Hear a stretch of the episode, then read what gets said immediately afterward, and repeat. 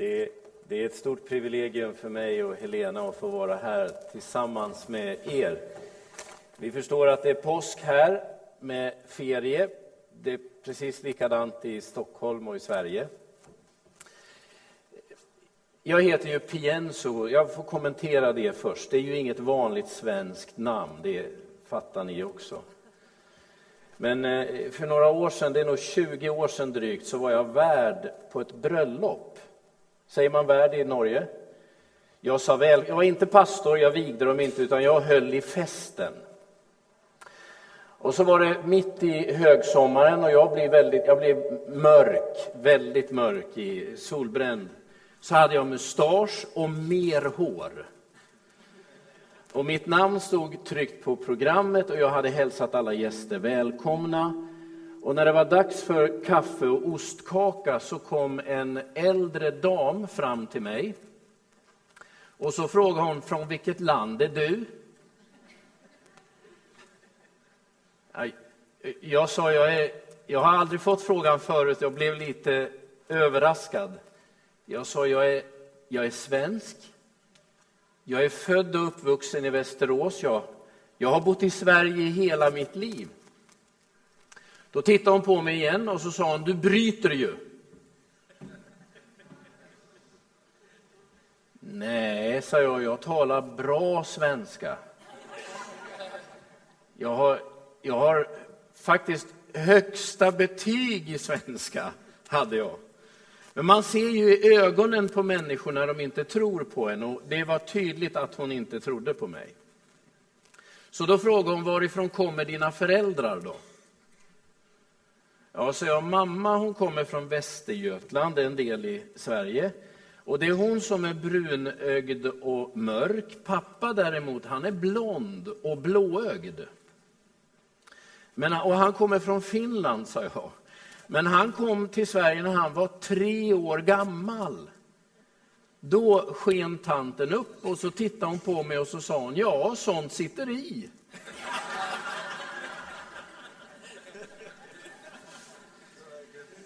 Så om det är någon brytning så är det finska och mitt namn kommer från Finland. Själv är jag från Sverige.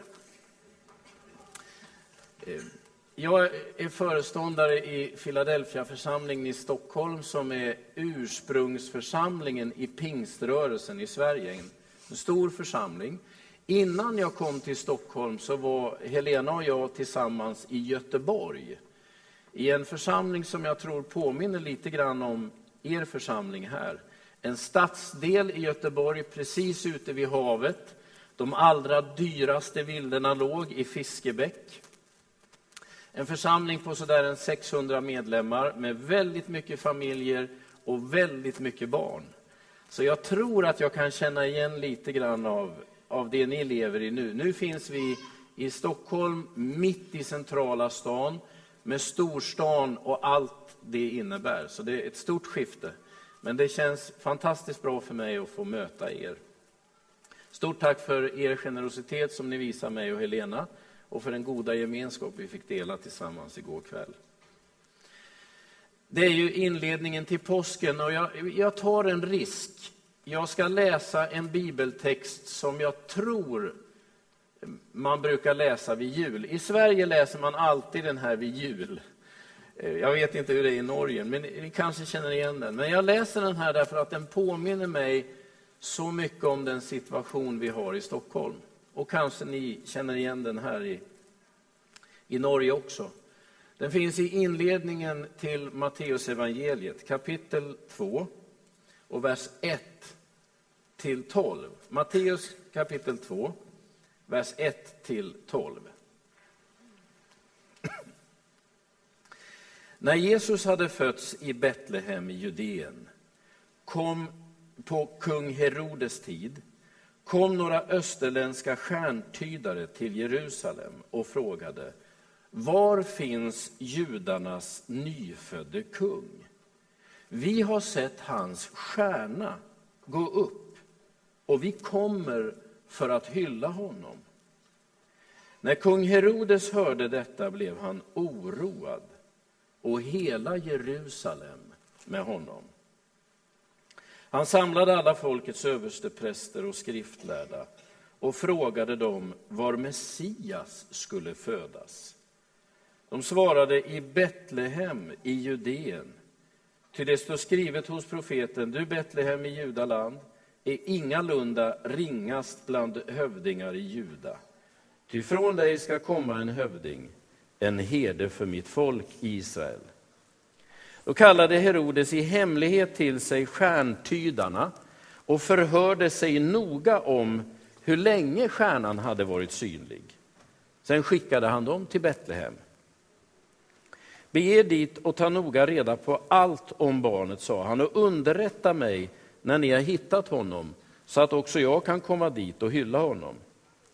Efter att ha lyssnat på kungen gav de sig iväg, och stjärnan som de hade sett gå upp gick före dem tills de slutligen stannade över den plats där barnet var.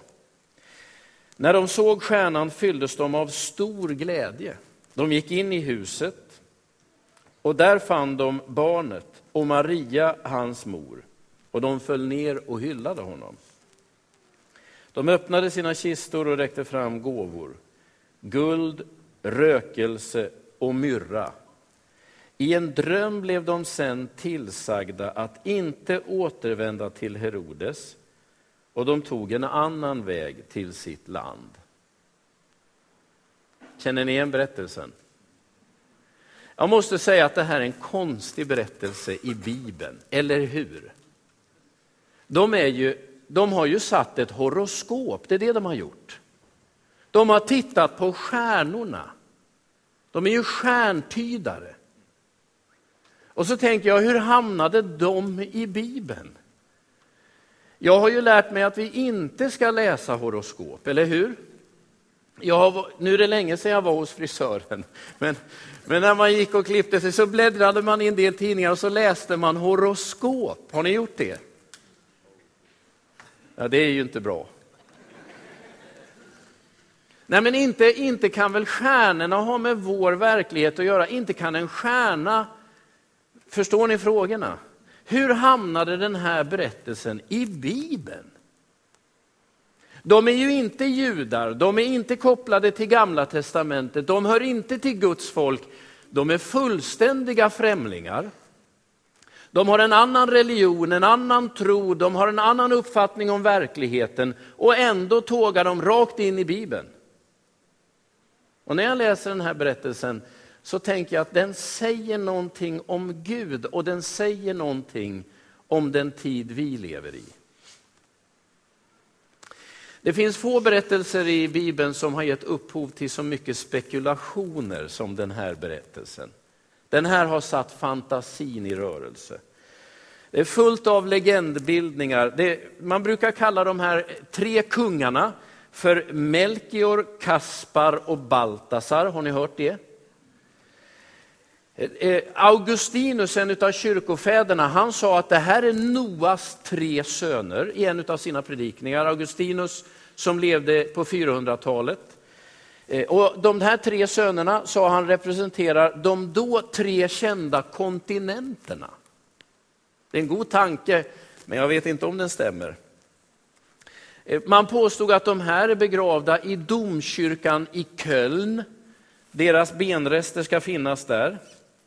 Ännu mer fascinerande är att de här, de här vise männen, vi vet ju inte om de är tre, eller hur?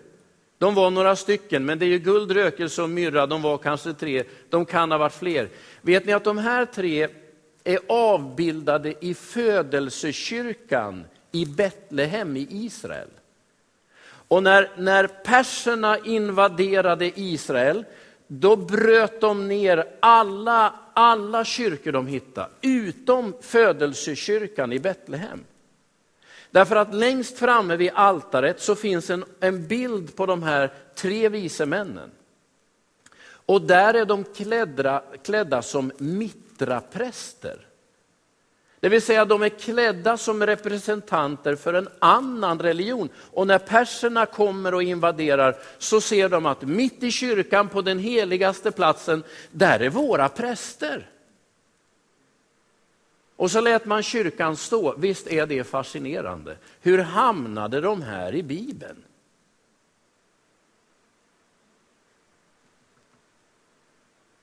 Och vad säger den här berättelsen om Gud? Om evangeliet. Lyssna nu. Det här är inledningen till Matteus evangeliet. Är det någon här som vet hur Matteus evangelium slutar? Det är en ganska välkänd avslutning.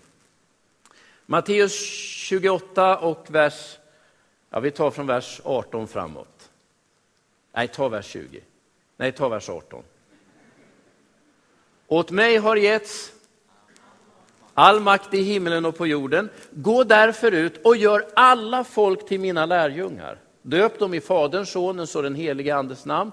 Lär dem att hålla alla de bud jag har gett er. Jag är med er alla dagar till tidens slut. Så avslutas Matteus evangelium.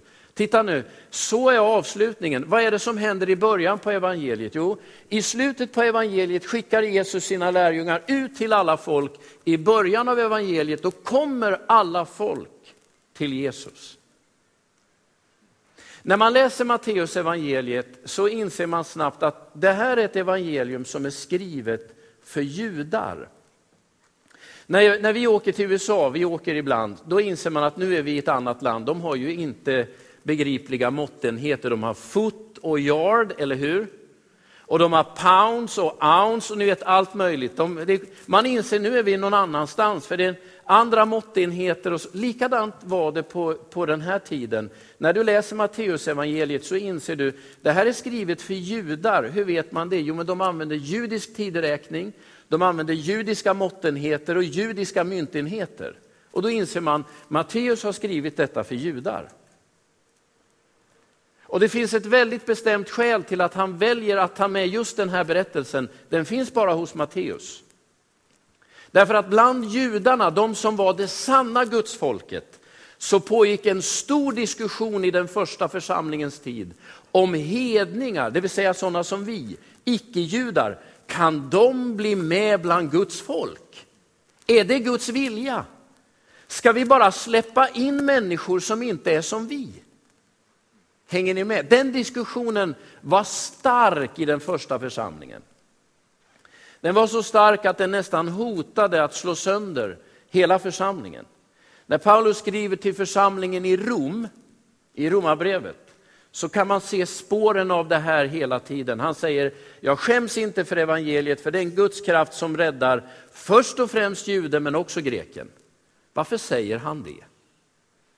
Ja, men därför att det var en spänning och en konflikt i församlingen. Vad gör vi med människor som inte är som vi? De första kristna var judar allihopa. De klädde sig på samma sätt, de firade samma högtider, de hade samma traditioner, samma beteenden. Det var lätt att känna igen varandra och förstå. Man hade samma tradition. Och så börjar ju icke-judar, hedningar, norrmän. Nej, det var det inte. Men ni vet sådana som vi, började beröras av evangeliet. Det blev en jättediskussion. De första, den första icke-juden som blev kristen, han hette Cornelius. Och du kan läsa om den, en fascinerande berättelse i Apostlagärningarnas tionde kapitel. Cornelius får besök av en ängel och ängeln säger till Cornelius, Gud har hört dina böner och sett dina allmosor. Det är också intressant, för Cornelius hade ju aldrig hört om Jesus.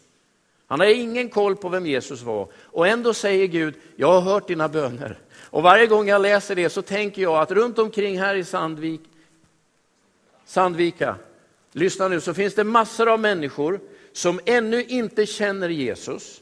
De kan inte hans namn, men de ber till en Gud som de, som de anar finns. Och jag vill tro att Gud hör människors böner.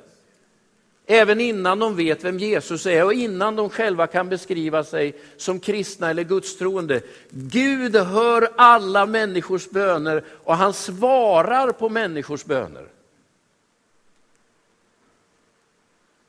Så Cornelius får besök av en ängel som säger till honom, gå och hämta Petrus, han har något att berätta. Och så skickar de bud efter Petrus. Och Petrus är mycket motvillig att gå dit, men Gud får ge Petrus en syn, en fantastisk syn. Petrus går dit och börjar predika evangelium och när Petrus predikar, Då faller den helige ande över dem som lyssnar. Och då säger Petrus, vad gör vi nu? Vad gör vi av det här? Det här stämmer inte med vad vi har tänkt. Måste vi nu döpa de här också? Han uttrycker inte så, han säger, då får vi väl lov att döpa dem. Men när han har döpt de här icke-judarna, då blir det tumult i församlingen i Jerusalem. Därför att man har gått över gränsen. Vad har de där icke-judarna med oss att göra? Ska vi ta emot människor av annan kultur, annat beteende, annan klädstil, annan matsmak, annan historia än vår? Går det? Det var konflikten. Och därför börjar Matteus, när han skriver till sina, sina släktingar och sitt eget folk, han börjar med att berätta om Guds stora plan. Och det första han skickar in i den här berättelsen om några stjärntydare, hur vilset kan det bli? Som de har tittat i stjärnorna för att hitta sanningen. Alla som läser gamla testamentet vet att den vägen är förbjuden. Vi frågar inte stjärnor, vi vänder oss inte till de döda, vi vänder oss till Gud. Men här berättar Matteus om att några, några kungar ifrån ett fjärran land har tittat i stjärnorna och hittat fram till Jesus.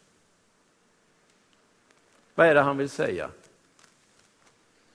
Han vill säga att evangeliet är en gåva till alla människor i alla tider i alla kulturer, överallt och jämt. Och jag inser att detta är en av de största utmaningarna för mig själv. Och jag tror att det är en av utmaningarna för oss, vi som tror att vi är födda med detta. Vi som tror att vi har någon sorts förstfödslorätt till evangeliet. Vi som tror att vi ibland vet hur det ska vara. Och så skickar Gud människor som kommer från så konstiga håll. Och så upptäcker de Jesus. Det är en fascinerande berättelse. Låt mig dra några slutsatser av den här berättelsen. Det finns ett syfte med att den här, jag tror vi behöver läsa den här. Det första jag vill säga när jag läser den här berättelsen, om det här var någon sorts inledning, det första jag ändå vill säga det är Gud leder alla människor efter sina förutsättningar. Gud kan leda alla människor i rätt riktning efter deras förutsättningar. Allvarligt talat, allvarligt talat, vad ska man tro om det här med stjärnan? Va? Kan det, kan det stämma? Och nu en del av er har läst den här berättelsen så många gånger att ni tänker det är väl självklart. Jag tänker det är inte självklart alls. Kan man titta upp i stjärnorna och se hur verkligheten hänger ihop? Och mitt svar, lyssna nu, är nej, det kan man inte. Det finns ingen koppling mellan stjärnorna och våra öden. Det finns ingen koppling mellan himlakroppar och vår verklighet. Nej, svar nej. Håller ni med mig? Ja, men i så fall, vad är det som händer i den här berättelsen? Det finns lite olika förklaringar till, till vad, man, vad man tänker när man läser det här. Vi vet av, vi vet av eh, kinesiska kalendrar, om man tittar i utombibliska eh, vittnesbörd så finns det från några kinesiska kalendrar eh, berättelser om en komet som far förbi år fyra, något sånt. Man skulle kunna tänka sig att det var den kometen, men en mer trolig förklaring, det jag själv nu då tänker ändå kan stämma, lyssna nu, om det, om det är sant eller inte, men det här tror i alla fall jag, det är min tolkning. Eh, vi vet att vart 200, nu ska vi se så jag säger rätt, vart 257 år så möts planeten Saturnus och planeten Jupiter i fiskarnas stjärntecken. Den stjärnkonstellationen inträffar vart 257 år. Och år 4 före Kristus så inträffar den här konstellationen. Och när vi läser i, i babyloniska kalendrar, i babyloniska dokument, så får vi veta att Saturnus representerar Syrien. Jupiter, planeten Jupiter, eh, representerar världshärskaren och fiskarnas stjärntecken representerar tidens slut. Då blir slutsatsen att när Saturnus och Jupiter visar sig i fiskarnas stjärntecken, då har världshärskaren fötts. Tidens slut är nära. Detta har inträffat i provinsen Syrien. Och när jag läser så tänker jag, men det låter som en trolig tolkning. Men det är ju inte sant, tänker jag också. Ja, men så här, det här stämmer inte. Detta, Bibeln sätter ju stopp för det här och ändå verkar det som att de här österländska stjärntydarna som inte vet något om evangeliet, som inte har läst gamla testamentet. Detta är den enda fakta de har tillgång till. Och det verkar som att Gud i sin godhet och allmakt kan leda ärligt sökande människor i rätt riktning trots att de har helt fel förutsättningar. Det är alldeles uppenbart så. Det vill säga det som evangelierna säger å ena sidan är fel väg att gå, det är ingen dörr att öppna. Börja inte läsa horoskop, titta inte i stjärnorna, din, din framtid vilar i Guds hand och ingen annanstans. Men det finns grupper av människor som ännu inte vet det.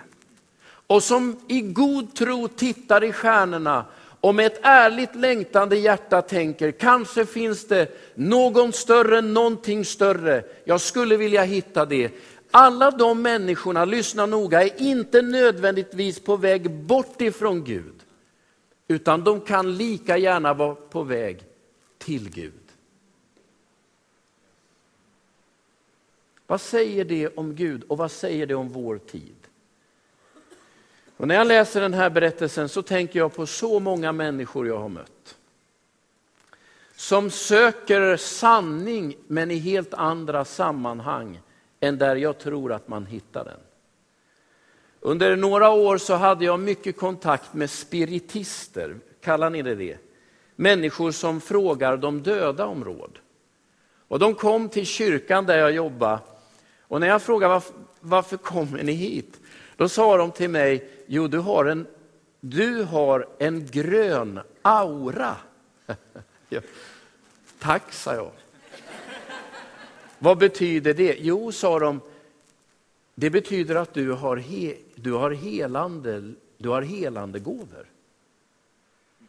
Och så när de, någon hade sett detta, de hade varit där, något av deras barn gick i vår konfirmation och när hon hörde mig tala så såg hon någonting. Eh, en grön aura. Här finns en, en helbrägdagörare. Vad gjorde hon? Hon tog med sina vänner. Och så sa hon, vi måste gå dit. Och så tänker jag, det där tror inte jag på, men nu är de här. De har ju kommit med helt, jag sa inte att jag inte, jag sa bara tack. Och så, så började några av dem att gå alfakurs.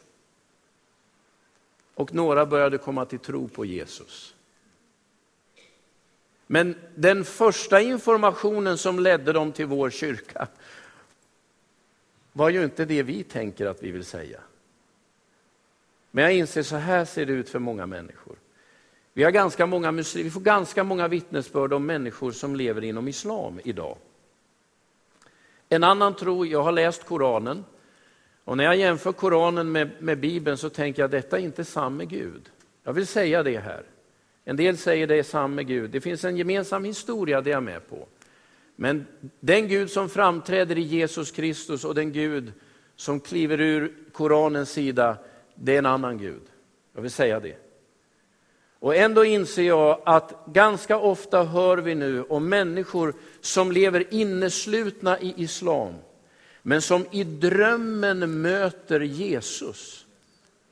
Och som så långt jag förstår i tro tar emot honom och blir Guds barn. Vad säger den här berättelsen om stjärntydarna? Den säger det jag tror vi ska veta. Att alla människor som söker sanning, som söker visdom, som söker någon sorts helhet i tillvaron, men gör det utanför Guds rike, de är inte nödvändigtvis på väg bort. Och därför ska du vara försiktig med att förklara allt för lögn och falskt. Varsam med dina ord. För en del är uppenbarligen på väg allt närmare Jesus. Ska vi tro på horoskop? Svar nej. Men jag, jag, tror på en Gud som ibland använder de mest märkvärdiga omständigheter för att föra sina älskade barn närmare sitt eget hjärta. Värt att läsa den här i vår tid, eller hur? Sen ser jag en sak till i den här berättelsen och det är att de kommer ganska nära Jesus. Alltså de kommer rätt långt men de kommer ju inte ända fram. De kommer till Jerusalem och så säger de, vi har fattat att här ska en, här ska en världshärskare, en ny kung födas. Var är han? Vad gör Herodes då? Och det här tycker jag är hoppfullt. Herodes kallar till sig de skriftlärda. Och det är ju en samling korrumperade bibellärare. Är det. De är köpta av Herodes. De här skulle inte få anställning i min församling, det kan jag säga. Men hos Herodes fick de jobba. Och så säger Herodes, hur är det, var ska han födas? Vet du, de här förvirrade fariseerna, de bläddrar i sina biblar och de lyckas, trots att de inte egentligen vill ha med Guds rike att göra, så lyckas de läsa ut att du, ni ska gå till Betlehem. Och så skickar de de här stjärntydarna hela vägen ända fram till Jesus. Vad, vad kan man lära sig? Jo, för att hitta hela vägen ända fram till Jesus behöver du vägledning ur skriften. Du kommer långt, Gud leder dig långt, men för att du ska liksom möta Jesus som den han verkligen är, så behöver någon öppna Bibeln och läsa ur den heliga skrift om vem han är, vad han vill och vad han har gjort. Först då kommer du ända fram. Och det man också ska säga är att om det duger med fariseer, då eh, funkar jag också. Visst är det skönt? Det här är ju inga bra personer, de är ju köpta bibellärare, de arbetar vid en omoralisk kungs hov. Och ändå kan Gud använda dem i ett avgörande ögonblick. Kan Gud använda dem, kan han använda dig, vem du än är. Men det du behöver göra är att veta hur vägleder jag någon utifrån skriften så att man får tag i Jesus. Jo, det vi säger är att Jesus har dött för din synd. Om alla andra vänder sig emot dig så är han din bäste vän. Det finns inga hinder, inga problem som inte han kan hjälpa dig ifrån. Allt du har gjort kan bli förlåtet. Han vill upprätta dig, han vill föda dig på nytt. Kan du säga det och kan människor få tag i det, då har du gjort det du ska. Alltså sista biten fram till Jesus behöver vi ändå öppna Bibeln. Så när spiritister och andedyrkare och, och människor av annan tro kommer till våra kyrkor, för det gör de, så tror jag inte vi ska vara oroliga. Han som finns i oss är större än han som är i världen. Och vi ska inte avvisa människor eller för snabbt säga att allt annat är synd och ont och fel, för då skickar du bara bort dem. Utan var lyhörd, var respektfull, ha stor förståelse för att ärliga människor så gott de kan längtar och letar. Visa alltid respekt, men när tillfälle ges, berätta då om den Jesus som Bibeln beskriver. Då kan människor få tag i honom. Vet du, jag gick med de här spiritisterna på seans, säger man det i Norge. Jag vill inte rekommendera någon att göra det, men jag, jag tänkte, de har ju gått i min kyrka, jag går med dem till deras. Och Det var ett helt rum som det här, fullsatt av folk. Under två timmar så gav medierna budskap från de döda. Och jag, tyck, jag måste säga att det var oerhört intressant. Och jag satt där och tänkte, jag undrar om någon ska säga något till mig. Det var helt tyst. Och så efteråt så talades vi vid, jag och de här som då tyckte att det här var bra. Då frågade de till mig, varför vad, tycker inte du, är inte det här bra? Och då, då sa jag att jo, jag, jag fattar att, ni, att man ibland vill göra upp med någon anhörig som har gått bort eller så. Men jag, jag, sa att, jag, och jag sa att jag satt här och tänkte och kanske min mormor skickar något budskap. Men, sa jag, min mormor har varit död i 20 år och hon var gammal redan när hon dog. Hon hängde inte med. Jag har väldigt svårt att se vad min döda mormor skulle kunna säga till vägledning och tröst för mig. Och så sa jag, i mitt hjärta talar inte mormor. I mitt hjärta talar himmelens och jordens skapare. Han som fanns före allt, som upprätthåller allt och som ska finnas vid tidens slut. Det han talar in i mitt liv och när han talar så vet jag inte vad någon av mina döda anhöriga skulle kunna säga som har någon som helst betydelse i förhållande till vad Gud har att säga. Man måste ju inte alltid säga nej, men jag tänker jag har något bättre att säga. Visst är detta en fascinerande berättelse, den finns i Bibeln. De här männen, för män är de, det de gör är att de bekänner Jesus som Herre. Det är det de gör. Alldeles tydligt bekänner de Jesus som Herre. Jag tror ju att de, ingen av dem kom ju därför att de hade syndanöd. Det var ju inte så att de här letade upp Jesus därför att de kände att livet var tomt, utan de, de hade, vad de hade för skäl vet jag inte, men det jag vet är att de alla på sitt sätt hyllar Jesus som kung. Och det är det som är det absolut avgörande. De har med sig guld, rökelse och myrra. Det är dyrbarheter, det är tro omsatt till kostnad. Det är tro som står för handling. Och jag har insett ibland att jag har, jag har ju med min historia, jag har så många idéer om hur det ska gå till när människor ska bli frälsta. Och om människor inte uppfyller mina idéer så är jag tveksam. Jag, ledde en alfa, jag har lett många alfakurser, jag har lett säkert ja, 18 tror jag jag har lett. Vid ett av de här tillfällena så hade vi en man med. Som var, han var så trevlig, han, han jobbade högt uppsatt i näringslivet men han prioriterade varje alfakurs. Han kom varenda torsdag. Lyssnade, han började gå i kyrkan, han gick varje söndag. Han kom varenda söndag och ni vet, han satt och tittade och nickade och var så glad. Och när han inte kunde komma en söndag, då ringde han till mig och sa, jag kan inte komma nu på söndag, jag vill bara veta att, du vet, jag tänker hur många av mina medlemmar ringer till mig och talar om att de inte kommer. Han gjorde det. Och så när alfakursen gick mot sitt slut så tänkte jag, jag måste höra med Magnus hur, hur han tycker det har varit. Så jag frågar, vad tycker du om alfakursen? Jo, säger han, det har varit bra. Jaha, tänker jag, vad, vad menar du med bra? Ja, säger han, jag har hittat hem. Och då börjar jag bli misstänksam. Istället för att bli glad så blir jag misstänksam. Jaha, då tänker jag, jaha, han menar att han har hittat massa sköna människor här. Så jag, jag frågar, du, är det det att du trivs med folket? Ja, säger han, men det är ju inte det jag menar. Nej.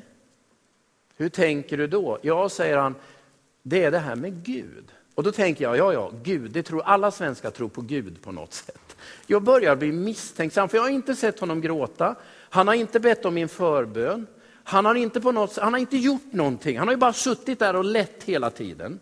Ställt artiga frågor.